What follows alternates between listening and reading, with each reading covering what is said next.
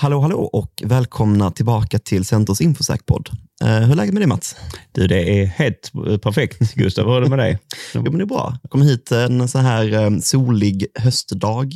Eh, så här krispig luft, vet du. Så det ja. känns, känns alltid bra. Man blir lite ja. uppiggad. Ja, härligt. Jag blir ju väldigt uppiggad av, av alla trevliga eh, kommentarer och feedback som jag fått från den här podden. Jag tycker det är, det ger mycket energi, tycker jag. Ja, Eh, det, får vi, det tackar vi alla lyssnare för. Så du, just nu fiskar du efter lite fler kommentarer och ja, komplimanger? Exakt. exakt. Nej, men det är aldrig fel att få, få det inte. men eh, vi eh, ska inte sitta här och tjafsa hela dagen om fina komplimanger som vi får och liknande, utan vi har ju faktiskt ett, ett ämne idag att prata om och en gäst med oss. Hej Matilda. Hej Gustav. Hur är läget med dig? Det är bra tack. Ja, härligt att höra. Ja. Känner du också av den friska, krispiga höstluften? Eller? Jo, men det gör jag. Hösten är min favoritårstid. Ja, det är så? Ja, inget problem att det blir mörkare. Ja. Nej. Men eh, berätta lite om dig själv, Matilda. Mm. Eh, jag jobbar också på Centor, eh, i huvudsak med marknadsföring. Men jag är också intern projektledare för projektet eh, Digital kvinnofrid. Mm. Och eh, vad är egentligen digital eh, kvinnofrid? Digital kvinnofrid är ett eh, ideellt projekt som vi bedriver tillsammans med Uppsala kvinnojour med syfte att höja eh, kompetensen inom IT och informationssäkerhet hos kvinnojourer och andra verksamheter som möter våldsutsatta kvinnor. Eh, och I huvudsak så handlar det då om att förse de här verksamheterna med konkreta verktyg för att bättre kunna förstå och hantera risker eh, i deras verksamheter och då i förlängningen eh, även kunna förmedla den här kunskapen till stödsökande kvinnor. Så det är väldigt viktigt arbete eh, verkligen som, som bedrivs då helt enkelt? Jo, men det, det tycker jag nog. och hur, hur startade projektet egentligen? Eh, nej, men allting började egentligen 2018 Ehm, då hörde Uppsala kvinnojour av sig till oss och berättade att eh, de och många andra kvinnojourer hade stora problem med att kvinnor i deras eh, skyddade boenden blev röjda eh, på grund av teknik, alltså sina telefoner och datorer. Eh, och de visste inte hur de skulle hantera det här problemet eller vart de skulle få hjälp, så de vände sig till oss då. Eh, och eh, ja, är det någonting vi på Center är bra på så är det just teknisk säkerhet, så att vi tog oss an det här projektet och det var eh, i samband med det som Digital kvinnofrid föddes egentligen. Eh, och sedan dess har vi genomfört utbildningar i hela landet för hundratals personer eh, inom allt från då, ja, men, kvinnojoursverksamheter, eh, socialtjänst, polis, eh, vårdpersonal och ja, men, folk som på ett eller annat sätt då har kontakt med våldsutsatta kvinnor och barn. Um, vi har även tagit fram ett utbildningsmaterial som verksamheterna kan använda sig av för att ja, dels arbeta med internt, men också dela ut då till eh, kvinnorna som kommer till dem. Toppen. Vad, men vad, vad menar man egentligen med digitalt våld? Mm. Ja, precis. Alltså digitalt våld som begrepp det innefattar då bland annat eh, kränkningar via eh, samtal, sms, sociala medier och andra liksom, forum på nätet. Eh, det kan innebära upprepade samtal och sms, intrång i privata konton, spridande av känslig information eller bilder, eh, identitetsstöld eh, och även övervakning och spårning. Och eh, flera av de här våldsgärningarna är ju straffbara här i Sverige. då. Mm. Till exempel ofredande, olov, olovlig avlyssning och olaga integritetsintrång. Mm. Mm. Men då har det ju egentligen skett någonting redan. Så mycket av det här ni vill arbeta med det är ju egentligen proaktivt, att förhindra att saker och ting sker.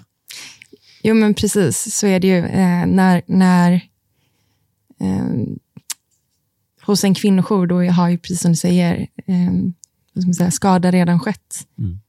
Um, men eh, det finns förstås eh, anledning att jobba både reaktivt och proaktivt med de här typerna av frågor. Mm. Mm. Mm. Och hur utbrett är det här problemet egentligen? Uh, alltså det, det är ju väldigt svårt att svara på utbrett, mm. uh, hur utbrett det är. Det finns såklart ett stort mörkertal. Mm. Uh, det finns en del studier, framförallt internationella studier då från eh, framförallt Nordamerika, Storbritannien, Australien. Här i Sverige så, så har det varit väldigt skralt på den fronten. Men eh, vi, vi gjorde faktiskt en egen undersökning 2020 eh, på det här ämnet. Och vi väntar nu, precis i detta nu, på resultatet från den uppföljande undersökningen som borde komma in eh, förhoppningsvis när som helst nu. Men eh, av det som framkom i den här tidigare undersökningen så var det bland annat att eh, 19 procent, alltså nästan en av fem, har upplevt att de någon gång har blivit utsatta för hot, kränkningar eller förföljelse via sms, eh, e-mail, sociala medier eller andra forum på nätet.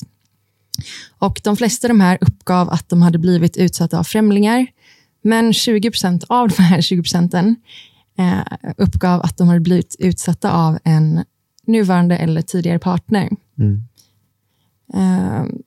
Något som också framkom i den här undersökningen är att eh, 30 procent har delat sitt lösenord eller eh, pinkoder mm.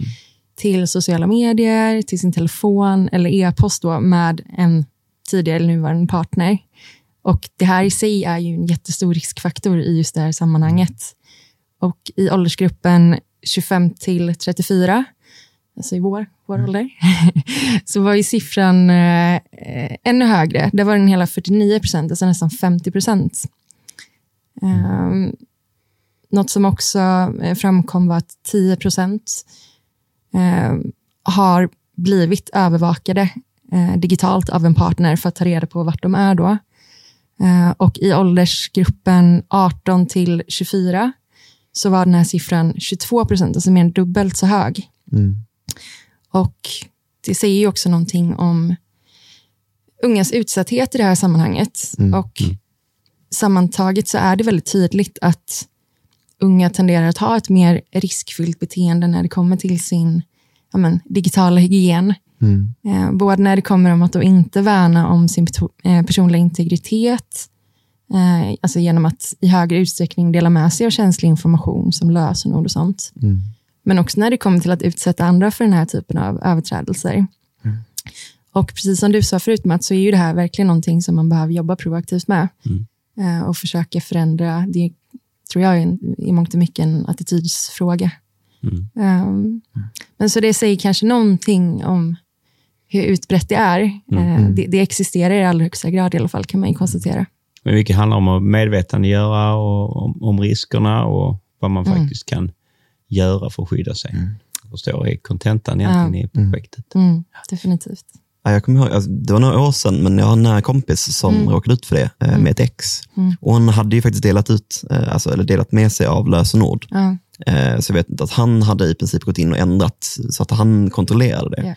Så jag vet att det hon fick göra fick, var ju att eh, i princip att ta bort och egentligen återställa alla sina konton. Yeah. Och det är ju i princip hela hennes digitala vad ska säga, sfär eller identitet mm. på något sätt, mm. fick hon ju ta och återställa. Så det var extremt mycket jobb och det var ju, ibland kunde man kanske inte lita på att det kanske var hon som kontaktade henne Nej. i princip. Så det, det, det, var, det var långt arbete och det var väldigt, jag vet att det var väldigt jobbigt för henne att råka ut för det. För det här var ju kanske bara tre månader efter de hade gjort slut. Så det var ju, ja. Visst. Ja, det, det är såklart en fruktansvärd situation att befinna sig i. Och precis som du säger, det är nästan så här, alla känner någon eller alla känner någon mm, mm, som känner någon som har mm. blivit utsatt för det här. Mm. mm. Ja.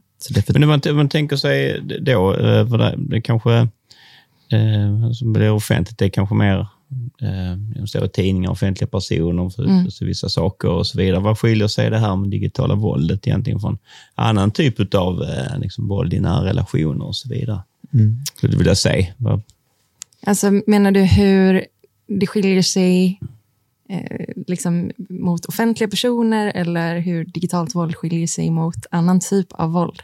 Ja, men, ja, men jag menar ju annan, annan typ av våld. Liksom och, och, så. För här, här har ju någonting hänt från början och det här är en person som behöver leva i någon form av skyddad eh, tillvaro och vill, vill liksom hålla sig undan egentligen från, från någon eller några personer. Jo, men precis. Alltså det, det digitalt våld, eller det, det som rättare sagt teknik möjliggör, mm. Mm. det är ju en, alltså det man kallar ett rumslöst våld. Mm.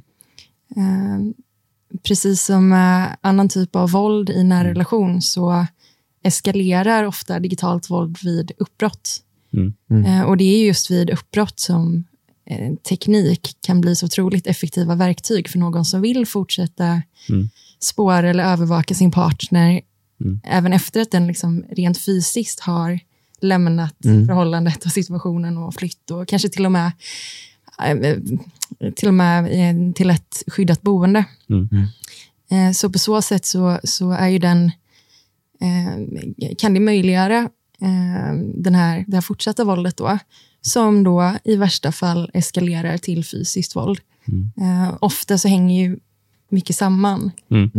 Um, I många fall så är man ju utsatt av en rad olika typer av våld inom en sån här, mm. uh, in, om man lever i en sån här destruktiv um, relation. Men jag skulle säga att just det digitala våldet, den stora skillnaden där är just att det är uh, rumslöst. Uh, det är någonting som kan fort, fortgå.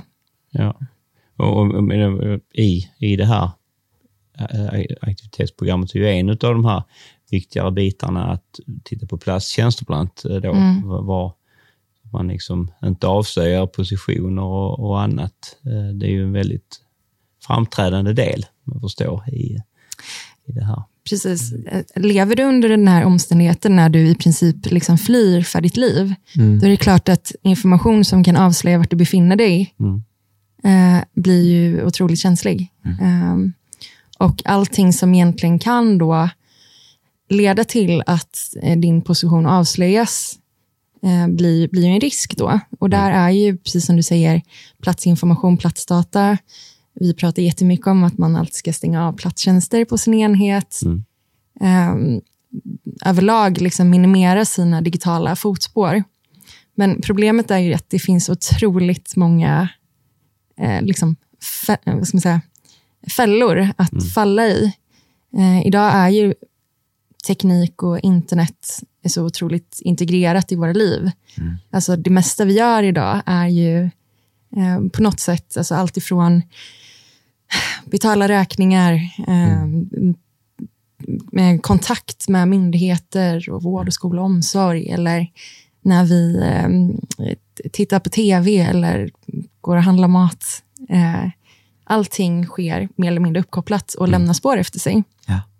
Och det är såklart en, eh, en svår situation att mm. försöka förstå vilka de här fotspåren är och liksom sopa undan dem så gott det går. Mm. Det är mycket det det handlar om när vi är ute och utbildar. Att förstå vad som potentiellt kan läcka den här typen av information och hur man då kan eh, motverka det mm. i bästa fall. För det handlar inte heller, det är viktigt att, att förstå också att det här handlar inte på något sätt om att ta bort teknik och internet från de här personerna som lever i de här otroligt utsatta situationerna. Mm. Eftersom eh, teknik, alltså din telefon och internet är ett otroligt viktigt verktyg i hela den här processen för att då kunna bryta isoleringen, ta sig ut ur en sån här situation.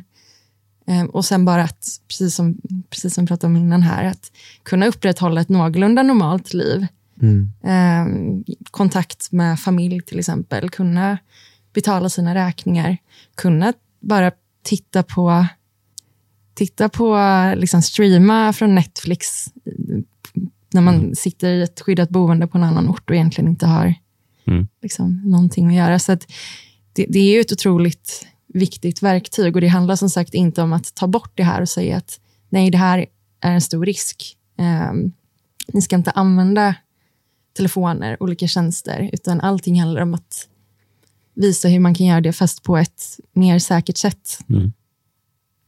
Jag tycker det var intressant, eh, du nämnde där eh, att, att särskilja mellan två olika frågor. Eh, och det var ju att, ja, men vad är det för skillnad mellan våld och digitalt våld? Mm. Men också, du nämnde idag, vad, vad är skillnaden kanske mellan då det digitala våldet som kanske offentliga personer mm. kan utstå? vad, är, vad är det för skillnad på det och det våld som uppstår i nära relationer? Då, då? Jo, men jag skulle säga att det finns ett par olika aspekter som skiljer liksom det här våldet, precis som, som du sa förut, Mats, mm. man läser om i tidningar. Någon har blivit stalkad, mm. en, en offentlig person, eller någon har blivit utsatt för eh, näthat och sådana saker. Eh, och just det här digitala våldet i nära relation, eh, hur det skiljer sig från då ett digitalt våld där förövaren och eh, offret då inte har liksom någon anknytning till varandra. Mm. Eh, det skulle jag säga, dels, eh, dels så finns ju den här aspekten att i en parrelation så är ju liksom möjligheten eller risken eh, stor att man i någon utsträckning har ett gemensamt digitalt liv. Ja, alltså att man delar på konton, mm. man delar sitt Netflix-konto, man delar sitt... ICA-kort. Precis. Mm. Man delar sina lösenord uppenbarligen, kan mm. vi se mm. här. Eh, man har kanske parkopplat sina enheter eh, för olika funktioner, Find My iPhone eller mm. lättare kunna hålla någon typ av family sharing ehm, funktion igång. Eh, och det blir förstås en jättestor risk ifall det här förhållandet blir destruktivt och mm. man väljer att lämna det. Om, mm. om man har alla de här gemensamma, eh, det här gemensamma digitala livet. Mm. Och även om man inte har det, även om inte jag känner till eh, om man inte känner till varandras lösenord eller har tillgång till varandras konton, så har man ju ofta kännedom om personlig information. Mm som i vissa fall gör att det kan vara enklare att till exempel lista ut ett lösenord eller såna här säkerhetsfrågor som man ibland behöver mm. besvara för att, mm. um, för att liksom komma in någonstans. Um, bor man under samma tak eller liksom umgås fysiskt så finns det ju också en överhängande risk att förövaren har haft fysisk åtkomst till enheterna. Mm. Och det ökar ju såklart risken att man har att det har liksom, eh, utrustats med spyware, mm. eh, att, att man har kanske parkopplat ihop de här eh, enheterna. Um, och till skillnad då från eh, i andra fall, liksom, när, när, man kanske då inte... Risken är ganska låg att, att um, en näthatare haft liksom, tillgång till sitt offers mm. mm. mobil. Um, och sen är det just den här, eh, som vi pratade om innan, att eh, risken att det eskalerar till fysiskt våld, mm, eh, som jag skulle säga är ju högre mm. i just den här typen av, eh, alltså mm. i våld i nära relation. Situationer. precis. Men vad ska man då göra? Igen, du pratar om att stänga av platstjänster. Har några andra såna konkreta tips som, som ni eh, väljer att arbeta med, som ofta mm. kommer upp? Ja. Ja, men precis. Nej, men det, det, just det här med platstjänster är såklart superviktigt. Mm. Det är ett väldigt effektivt sätt att, att eh, ett, en väldigt effektiv åtgärd för att minimera sina digitala fotspår kraftigt. Um, någonting som jag tycker är viktigt är att uh, försöka att när man tittar på, gör en inventering. Vilka appar och tjänster använder jag i min vardag? Alltså allt ifrån då att man då ehm, eh, loggar in på att man betalar sin räkning någonstans till att man eh, betalar i mataffären. Vi har hört exempel på situationer där kvinnor som lever eh, under skydd och har handlat i mataffärer med sitt kort som har varit kopplat till ett gemensamt mm, mm. konto på mataffären där liksom mannen har kunnat gå in och se precis var och när den mm. kvinnan handla. Um, till liksom ditt Netflix-konto som reggar din IP-adress, mm.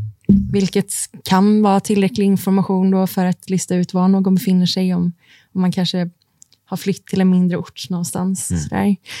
Uh, och just att försöka liksom identifiera alla de här olika um, tjänsterna, uh, funktionerna som på ett eller annat sätt skulle kunna berätt, alltså avslöja mm. information om vart du befinner dig. Mm. Uh, och det är fler än vad man, uh, fler än vad man tror. Mm. Uh, det skulle jag säga är en viktig sak. Um, och sen då liksom det här med lösenord såklart, det går inte att prata nog om det.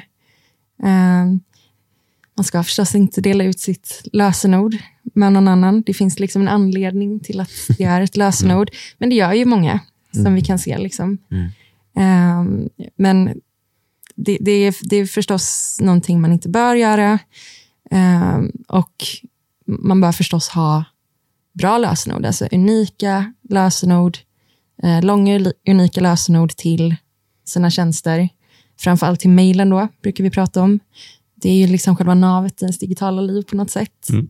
Eh, som man också kan använda för att återställa andra typer av konton och sådär. Um, och i de, de här sammanhangen, alltså, an, använd inte saker som går att koppla till, till dig själv, alltså personlig mm. information i ett mm. lösenord. Uh, att använda liksom barnens namn eller husdjurets namn är ju sånt som uh, den du skyddar dig emot då rimligtvis har kännedom om. Mm. Uh, så där behöver man kanske tänka ett varv till kring liksom, att försöka skapa anonyma konton eh, med bra lösenord. Um, men ja, som sagt, mycket, mycket handlar ju om det här med att försöka liksom verkligen minimera avtrycken man gör. Mm. Um, vi brukar ofta säga, och, och sen ska man också komma ihåg att det är precis som liksom all annan typ av skyddsverksamhet, så bör ju allt då föregås av en riskbedömning. Mm. Um, är risken, eh, anser man att risken är hög för att det här kommer leda till kanske liksom fysiskt våld eller väldigt förödande mm. konsekvenser, ja, då kanske man ska överväga att skaffa en ny enhet mm. och nya konton. Mm. Det är intressant med att du säger att, att en inventering borde mm. ske över, egentligen alltså så här, en analys över ens attackyta mm. blir det på något sätt. Precis. Eh, som man kan koppla tillbaka till, men generell informationssäkerhet på så sätt är att man måste ta reda på vad finns för hotaktörer, vad finns mm. det för sårbarheter man kan använda sig av, eh, var känner vi oss mest sårbara eh, och vad är riskerna helt enkelt. Vad, vad, kan vi som företag, eller kanske snarare egentligen då myndigheter, eh, göra för att öka säkerheten för våldsutsatta eh, kvinnor och barn? Då, då? att använda eh, digitala tjänster idag, det är ofrånkomligt. Mm. Alltså, oavsett, ja, om man, oavsett om man lever i ett skyddat boende eller inte, så kommer man inte undan de här mm. eh, sakerna. Um, och där ligger det ju ett ansvar hos aktörer att liksom säkerställa att känslig information inte hamnar i fel händer. Mm. Att man har liksom tillräckliga, tillräckliga eh, rutiner på plats för att, för att motverka det.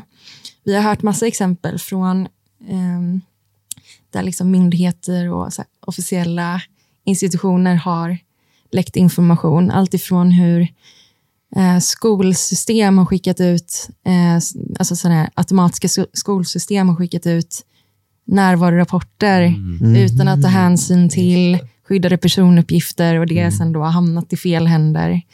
Um, mycket utvecklas ju kanske med ett användarfokus, eller liksom mm. användarvänlighet i fokus snarare än ett säkerhetsperspektiv. Mm. Och för personer som lever under hot och, eh, i, i den här typen av situation så kan det ju få förödande konsekvenser. Mm.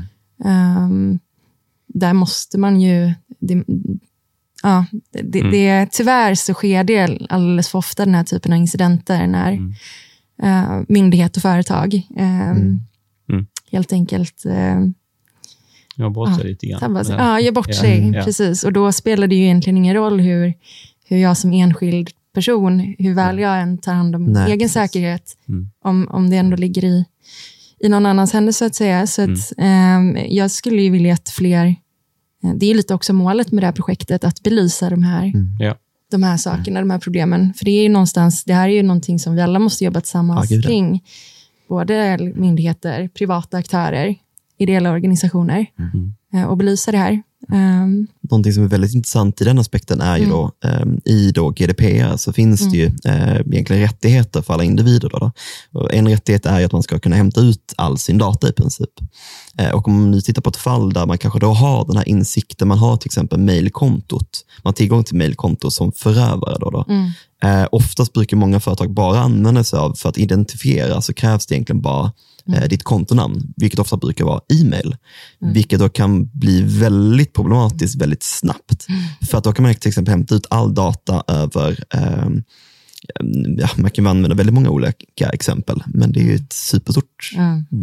problem egentligen. Ja, jag har inte ens faktiskt tänkt i den aspekten. Jag hoppas ingen får något tips här nu, så sitter Han är verkligen inte. um, nej, men precis. Så, det, så, så, är det såklart. Mycket som, mycket som ska vara säkerhetsåtgärder mm. kan ju tyvärr bli, få motsatt effekt ja. mm. för, för enskilda individer. Uh, men det är som sagt, det är ju någonting, uh, någonting som vi, uh, vi jobbar liksom hela tiden med att mm. belysa och ta upp till ytan. Mm. Så att fler ska prata om det här och förstå det här. Mm.